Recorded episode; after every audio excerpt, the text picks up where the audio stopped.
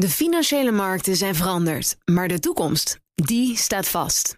We zijn in transitie naar een klimaatneutrale economie. Dit biedt een van de grootste investeringskansen van onze generatie. Een kans voor u om mee te groeien met de klimaatoplossingen van morgen. Meer weten? Ga naar carbonequity.com. Carbon Equity. Do good by investing better. Een comeback op de beurs dankzij streaming. Dat en meer komt ter tafel in het beleggerspanel. Vandaag bestaande uit Roel Barnhorn, obligatiespecialist bij ABN AMRO. Simon van Veen, fondsmanager van het Sustainable Dividend Value Fund. En een debutant, Martijn Rozenmuller, head of Euro bij Think, Think ETF's. En mijn zakenpartner is Lieve de Klerk, directeur van SPI Nederland. Welkom allen. Laten we beginnen bij jullie laatste transactie. En laat ik dan ook het woord maar geven aan de debutant, Martijn. Nou, dat is mooi. Dan kan ik gelijk even kort iets rechtzetten. We zijn 1 november omgedoopt naar Van Eck eh, Europe. Dus de, de Think-naam, het bedrijf dat ik ooit tien jaar geleden heb opgericht... die eh, mogen we niet meer gebruiken. Um, nou, dan moeten we je wel een volgende keer uitnodigen... of je het nou goed doet of niet... om dit ook weer zelf gewoon een keertje uit eigen beweging goed te doen. Maar nou, vertel. Kijk, super. Um, ja, mijn, uh, mijn allerlaatste transactie... die uh, kan ik je eerlijk gezegd niet eens vertellen... omdat ik hem niet meer weet. Ik ben echt een buy-and-hold belegger. Nou, nu maar... twijfel ik toch weer over die tweede keer. maar gelukkig ben ik heel erg bezig met mijn transactie... die ik deze maand wil gaan doen. En uh, aangezien de beurs natuurlijk enorm hoog staat, is het dan altijd afvragen van wat is nog uh, koopwaardig? Hè? Waar, waar durf je eventueel nog iets mee te doen? En waar ik zelf heel sterk aan denk, is uh, een fonds wat zich richt op hoog aandelen. Ik heb het idee dat bedrijven die hoog dividend uitkeren, op dit moment, nou ja, zeker gezien de alternatieven, niet overgewaardeerd zijn. En dat dat een categorie is waar je nog in zou kunnen stappen. Dus nou ja, vraag je me de volgende keer, dan is het waarschijnlijk de transactie die ik net gedaan heb. Kun je er ook al namen en rugnummers aan toevoegen of niet? Nou, dat wilde ik uh, juist niet doen, omdat ik ja, natuurlijk als uh, uh, directeur van Vanek met name in onze eigen producten handel. En dat betekent dat ik eigenlijk nooit individuele nee, aandelen koop. Nee, ik snap het. Ik snap het. Roel. Ja, net zoals Martijn. We zijn ook druk bezig met het evalueren van, uh, van het jaar. Uh, het ziet er iets anders uit dan we 2020 ingegaan zijn. Uh, we dachten Europa en China, Azië, dat heeft het niet zo goed gegaan 2018, 2019. Dus we krijgen wat meer, krijgen meer slagkracht. Ja. En Amerika gaat het wat minder doen. maar het schaakspel is even ietsje veranderd. we zien een sterke dollar. We zien de aandelenprijzen vanwege de coronavirus daar wat meer volatiliteit. En de obligatiekant, mijn sterke kracht, zie je eigenlijk heel weinig gebeuren. Maar vindt wel rotatie plaats. Dus we proberen ons nog echt even met de economen van, van onze groep daar nog even te spreken of zij zich houden aan uh, waar we 2020 mee begonnen zijn. Maar we zien wat kenteringen hier en daar dat uh, we wijzigingen plaatsvinden ja. op dat vlak. Goed dat je die, die sterke dollar noemt, want die komt de afgelopen dagen weer, weer vaker naar boven. Kun je toch nog even uitleggen waarom dat iets is om je misschien ook wel zorgen over te maken? Want ja, ik zou ook zeggen, ja, sterke munt is toch, is toch mooi? Ja, sterke munt is mooi. Uh, Trump of Amerika is wel een aanhanger geweest van een zwakke munt, zodat ze meer konden exporteren. Uh, het is nu in een voordeel nu het een sterke munt is. Uh, waarom is het een voordeel? Omdat dan inflatie lager is. Je ziet commodityprijs lager, grondstofprijs lager. En je ziet dat Amerika, ook dank, ondanks Trump, heel veel bedrijvigheid ook vanuit Amerika komt. Dus ze zijn minder afhankelijk eigenlijk van het buitenland. Dus dat kan een extra aanjager zijn. Dus je neemt eigenlijk de punten die we met onze groep Economics aan het bespreken zijn. zeggen we, is het hier dan niet een verandering? Dat we toch niet uh, onder trendgroei in Amerika naar boven trendgroei ja. moeten zien. En dat zou het veel sterker komen ten opzichte van Europa en Amerika. En nog even aan, aan toevoegend, de dollar.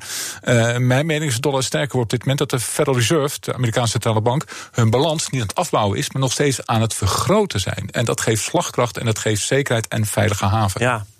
Precies. De, ja, de Fed heeft ooit overwogen om uh, wat zaken te veranderen. Volgens mij eind 2018. En de gevolgen daarvan die kennen jullie allemaal nog waarschijnlijk. Hè? Toen moest er een U-turn komen. Simon, jouw uh, laatste transactie. Ja, ik kijk toch wat meer naar uh, individuele, individuele bedrijven. Um, dus um, we zitten in midden in het jaarcijferseizoen. Daar wil ik maar even op inhaken. De grote bedrijven worden hier natuurlijk allemaal besproken. En uh, nou ja, ik vind het leuk om af en toe een wat kleiner bedrijfje voor het voetlicht te brengen. Dus vandaar vandaag even aandacht voor Biotage, een Zweeds bedrijf wat medische apparatuur maakt voor laboratoria, onder andere van universiteiten en farmaceutische bedrijven. Um, het bedrijf heeft afgelopen vrijdag gerapporteerd.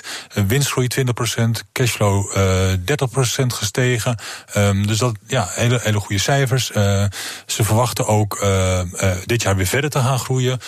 Um, leuk is, ze gaan hun productiecapaciteit in de fabriek in Cardiff vergroten. En um, dat betekent eigenlijk, nu hebben ze nog heel veel productie geoutsourced. Dan kunnen ze dat allemaal insourcen. En nou ja, dat is over vaak goedkoper dan outsourcen. Dus dat kan weer een extra verhoging van de winst in 2020 opleveren. kortom, een heel mooi, ja, nog relatief klein en onontdekt bedrijf. maar wat al jarenlang heel hard groeit en vermoedelijk bij blijft, door blijft maar waar je dus nooit dat van zou horen als jij niet nu de als microfoon ik dat nu niet zou, nee, zou dat is natuurlijk wel iets, uh, als je jaarcijfers presenteert. Ja, je weet gewoon dat je vermalen wordt in het geweld van de hele grote bedrijven. Ja, nou ja, terwijl er juist zoveel uh, hele mooie kleinere bedrijven zijn. Dus, dus op basis van deze cijfers heb ik uh, bijgekocht in dit aandeel. Goed, dan gaan wij toch nog eventjes naar het uh, coronavirus. Want dat houdt de gemoederen bezig, ook de financiële markten bezig. Gaan Chinese bedrijven weer, weer open? In welke mate dan? Wat betekent dat voor de productie? Um, er was toen de beurzen open gingen sprake van een enorme koersval. Uh, miljarden die verdampt zijn. Maar ondertussen zie je toch dat het allemaal weer redelijk bijtrekt. Uh, en er is ook al eerder geconcludeerd. Er lijkt helemaal niets meer te zijn dat de financiële markten echt van de wijs kan brengen. Um, ben je het daarmee eens? Ik ben het daarmee eens. Uh, ik denk dat je in de coronavirus uh, drie verschillende beleggers hebt. Beleggers die zeggen van het waait over, dus we blijven gewoon zitten en we kunnen die timing niet uh, bepalen. Daarnaast heb je beleggers die denken dat het altijd weer groot is. Hè. China, we hebben alle data wel, kunnen we het allemaal wel analyseren. En het is de eerste ja, schot die we hebben gehad, er komt veel meer aan. En de derde groep beleggers die tactisch daar gaan beleggen. Dus af en toe nu even winst nemen en dan later weer terugkomen. Dus het zijn eigenlijk uh, meer dichter op de bal. Uh, ik ben het ermee eens uh, dat je op de lange termijn moet kijken. China is als aandelenmarkt op dit moment ook onderdeel van de Global Index. Dus met de wereldwijde index. Dat wil zeggen dat Amerika moet gewoon omarmen. je kan het niet meer isoleren als, het, als een Chinese index. En daarvoor denk ik dat je toch de globale en de wereldwijde trends ja. moet zien. En die zijn positief voor de groei. Dus dan is het logisch dat het nu weer een beetje weg hebt. Ja. Martijn? Ja, ik ben het er wel mee eens. Ik denk als je kijkt wat er de afgelopen 10, 15 jaar gebeurd is, hebben we een aantal nou ja, vergelijkbare dingen voorbij zien komen, die eigenlijk allemaal met een, met een sisser afliepen. Ik denk dat financiële markten over het algemeen zo werken dat als je een aantal dingen al uh, vaker gezien hebt en het liep goed af, ben je geneigd er iets minder heftig op te reageren. Noem eens iets wat dan goed afliep waar we het ergst van hadden verwacht. Uh, SARS. Om maar, ja, wat te noemen. maar uh, als iets dus... goed afloopt, wil zeggen dat we op een gegeven moment een vaccin kunnen produceren. Dat, of dat we het zo kunnen beperken dat het niet uh, enorm uit de hand loopt. En dat is in ieder geval in de vorige gevallen is dat, uh, is dat gebeurd. Uh, dat is natuurlijk nooit een garantie voor de toekomst. Ook een les die we uit de financiële markten kennen. Maar ik, ik merk in ieder geval dat er niet heel veel paniek is. Ik zag vanochtend Ray Dalio, bekende hedge fund manager van Bridgewater, die ook zei van nou, dit is echt best wel een beetje een overdreven reactie geweest. Hè. Hij verwacht ook dat het uiteindelijk overwaait. En dat is in ieder geval wat je nu in de markt ziet gebeuren. Of, de, of dat over een maand nou ja, de waarheid blijkt, ja, dat zullen ja. we moeten afwachten. Nou ja, geen reden voor paniek. Ja, Simon, ik spreek hier elke dag met Kees Tekort en die volgt China met een uh, aparte blik. Hè. Die zegt ook varkenspest, voedselprijzen lopen op. Je ziet dat productieketens onder druk ja. komen te staan. Ja. Er is nog steeds niet echt heel veel zicht op een oplossing van dat coronavirus. De economische groei zwakt al af. SARS wordt vaak als eikpunt genoemd. Toen was China volgens mij 3 of 4 procent van de wereldeconomie, nu 17 procent. Ja, nou, ik denk ook dat China een uh, lastig eerste kwartaal krijgt als het gaat om de uh, economische groei. en ik denk dat sommige sectoren uh, uh, ook als het gaat om uh, westerse bedrijven, lastiger zullen hebben dan, dan andere. De luchtvaart bijvoorbeeld.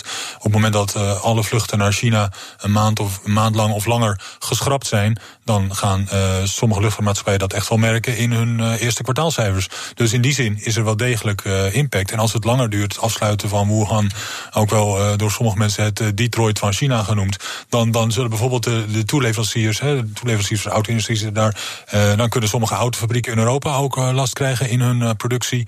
Um, dus er zijn best wel dingen te verzinnen die, die zeg maar fout kunnen gaan. Maar, maar uh, ja, ik ben met de heren eens dat, dat de paniek geen reden is voor paniek onder, onder, onder beleggers. Maar specifieke aandelen in je portefeuille. Kopen, bijvoorbeeld, hè, toen, toen, toen er sprake was van die koersval, waren er toch ook mensen die zeiden: ja, dit biedt kansen. Ook een reflex die je wat vaker tegenkomt. Nou, ik, denk het wel. Als je kijkt, uh, het verhaal van Kees Kort kan ik volgen. Maar het is wel eenzijdig. Uh, Amerika, ik zei net al, China is nu onderdeel van het, het, wereldwijde index. Uh, al de punten die hij noemt, die pakt China wel aan. het is een vooruitstrevend land wat dat betreft. Met 1,3 miljard. Het is wel, qua cijfers is het gewoon waanzinnig groot. Martijn die gaf net al aan wat in het verleden gebeurd is. We hebben een eerder virus gehad in 2009. die virus komt nu elk jaar terug. Dus ik denk niet dat dit virus opgelost gaat worden. Maar het gaat onderdeel zijn van wat jaarlijks terugkomt. Als de eerste keer komt dan is de paniek van wat is het en hoe groot is het. Nu gaat het jaarlijks ongeveer, denk ik, deze virus ook terugkomen. De Wereldgezondheidsorganisatie website zegt dat ook. Meestal een virus kan niet uitbannen, maar het komt jaarlijks terug en we moeten dat aanpakken.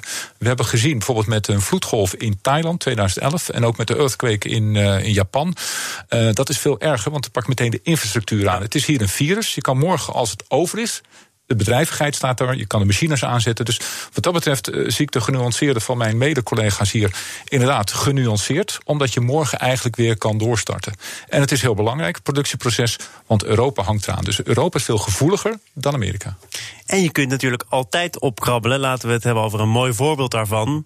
Uh, en de vraag is natuurlijk: is dat nog een lange weg terug of zijn ze al op een substantieel echt veel beter niveau? Griekenland. Roel, ook even naar jouw sterke punt kijken, die obligaties. Uh, Griekenland uh, is zich wel weer aan het terugvechten. Griekenland is aan het terugvechten. Uh, maar wat ik probeerde aan dit zwarte onderwerp van wat is je laatste transactie geweest. Dat is precies zo'n pricing in, de, die obligatiemarkt. Griekenland, voor de luisteraars, die kan nu geld ophalen bij beleggers onder de 1%. Gelijk niveau als Italië. Nou, we weten, Italië zit bij ons veel meer op het netvlies dan Griekenland. Uh, Griekenland heeft het heel goed gedaan. De groei is veel groter en veel beter dan Europa. Dat wordt doorgetrokken. Ja, mag ook wel. Hè? Als je van een bepaald niveau komt, is het ook makkelijker. Ja, klopt. Maar daarnaast zijn de Duitsers hebben eind vorig jaar aangegeven dat een Europese bank hier wil eens inderdaad ondersteunen. Een Europese bankunie. wil zeggen dat er een, een, net, een vangnet komt voor, uh, voor slechte uh, leningen. Dat wil zeggen dat de landen in het zuiden uh, heel hard moeten gaan werken om een slechte leningen aan, aan te pakken. We zien het bij Unicredito, we zien het in Spanje. En dat zijn allemaal positieve dingen. Dus men ziet op dit moment de ECB als kredietwaardig om de landen op het goede pad te zetten. En daar ja. krijgt uh, Griekenland voordeel van. Ik, ik, vraag me wel af, is het dan een goed idee om je geld tien jaar lang tegen 1% uit te lenen aan een land als Griekenland, wat uh, in die komende tien jaar nou, waarschijnlijk zes keer een andere regering zal krijgen en uh, nog steeds een schuldenratio heeft van 200% ongeveer. Is dat, nou, is dat nou een goed idee voor beleggers?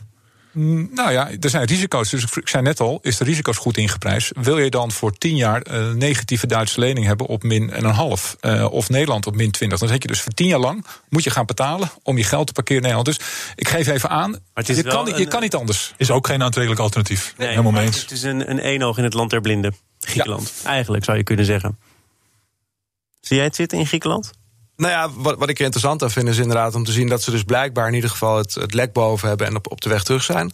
Of uh, je geld tien jaar wegzetten tegen 100 basispunten nou een heel verstandige belegging is, weet ik niet. Maar inderdaad, zoals terecht gezegd wordt, het alternatief van geld betalen om het aan Duitsland of Nederland te geven, ja, is ook niet erg aantrekkelijk. Dus alles is relatief in deze wereld.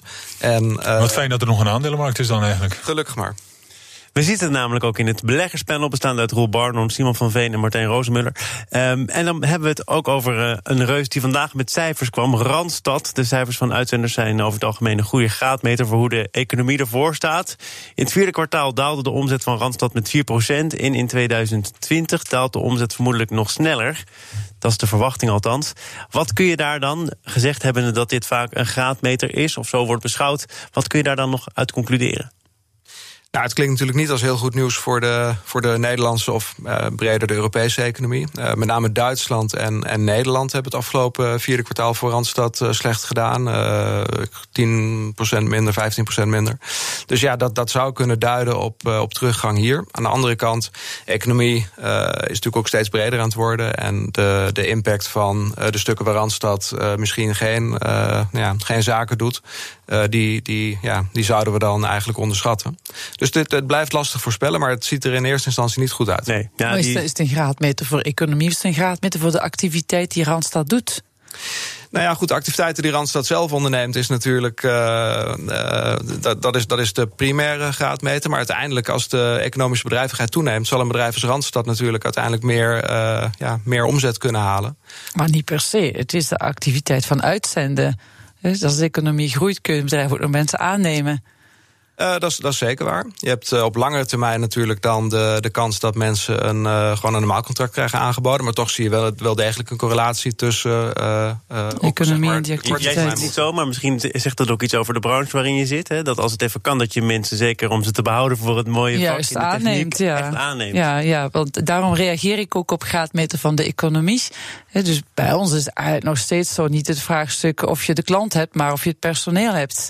Dus wij zien nog helemaal geen eh, kentering in economie in de ordeportefeuille. Integendeel zelfs.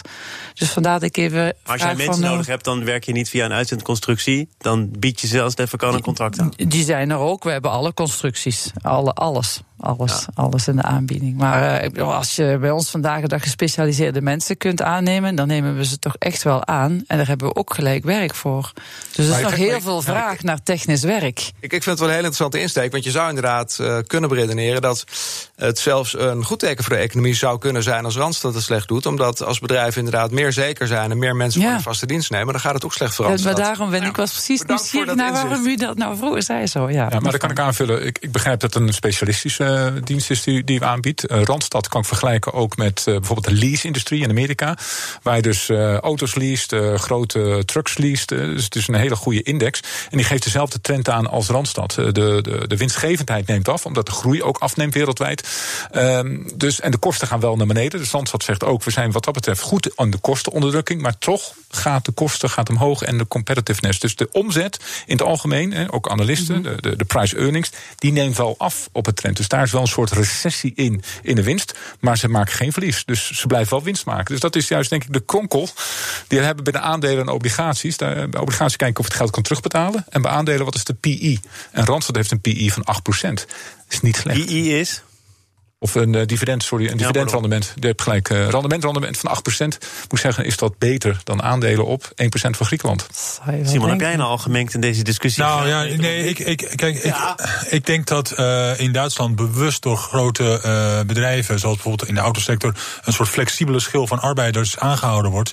Uh, dat op het moment dat ze 24 uur per dag drie ploegendienst moeten draaien, omdat het aantal auto's niet aan te slepen is, kijk, dan zetten ze die, die, die derde ploeg in met flexibele arbeiders. Nou, op dit moment is dat gewoon niet nodig. Want uh, ja, de autoverkopen zijn wereldwijd uh, 10, 15 procent gedaald uh, vorig jaar. Dus die mensen zijn gewoon even niet nodig. En dat ziet, dat ziet Randstad terug. En ze zeggen ook, uh, dat zien we nog niet omdraaien in de eerste helft van 2020. Want dat is eigenlijk, eigenlijk is dat de belangrijkste mededeling uit het hele persbericht van Randstad. Dat, dat ze het nog niet mm -hmm. zien omdraaien in de eerste helft van dit jaar. En ja, wanneer dan wel, dat zo, zover kunnen zij ook niet vooruitkijken. daar, daar zal de industrie in Duitsland en dan met name de auto-industrie eerst weer aan moeten trekken. Laten we kijken naar een andere industrie die in de hoek uh, leek te zitten waar de klappen vielen, namelijk de platenmaatschappijen. Want die zouden toch allemaal de opkomst van streaming niet overleven. Nu blijkt dat het tegenovergesteld het geval is, want Warner Bros. Uh, ziet juist dat streaming gouden bergen oplevert, wil ook weer voor een deel naar de beurs. Moeten we meteen even de kanttekening bij maken dat het bedrijf volgens mij miljarden waard is en dat ze bij de beursgang uitgaan van een opbrengst van 100 miljoen dollar. Nog even, waarom zou je dat dan doen? Is dat echt gewoon een teen in het water steken? Ja. Ja, dat denk ik wel. Meteen in het water steken. En, en, uh, en misschien is het wel een soort uh, uh, prijsbepaling, omdat ze weten dat er potentiële grote kopers zijn van, van het bedrijf.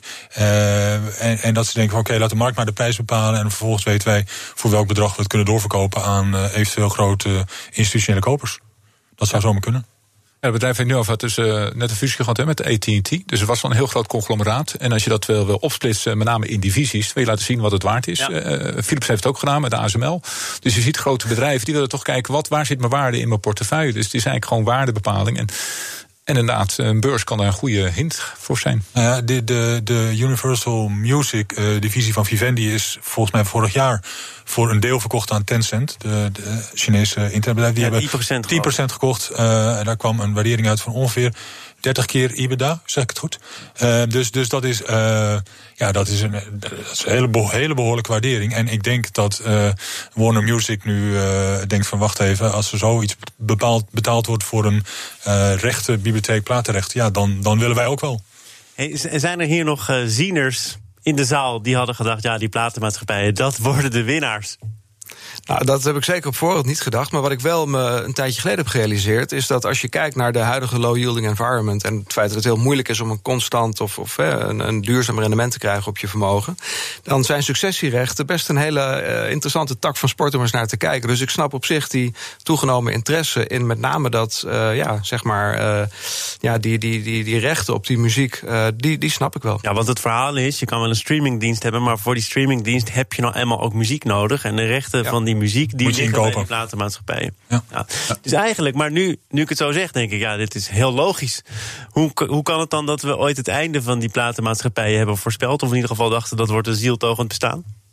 Nou, het was de MP3, hè? Je kon het allemaal kopiëren eh, MP3, de- en, da- en downloaden van, van het internet gratis. En dat had je ook op een gegeven moment met, eh, met films. Eh, alles werd gewoon gedownload. Ik denk, wat ik in ieder geval onderschat heb, is eh, hoeveel waarde mensen hechten aan het gemak. Hè, want ik heb in het begin ook gedacht: van waarom zou ik een hemelsnaam Spotify nemen? Want ik, kijk, ik heb een hele bibliotheek zelf. Ik kan het zo op mijn, eh, op mijn iPod kopiëren en dan luister ik het af.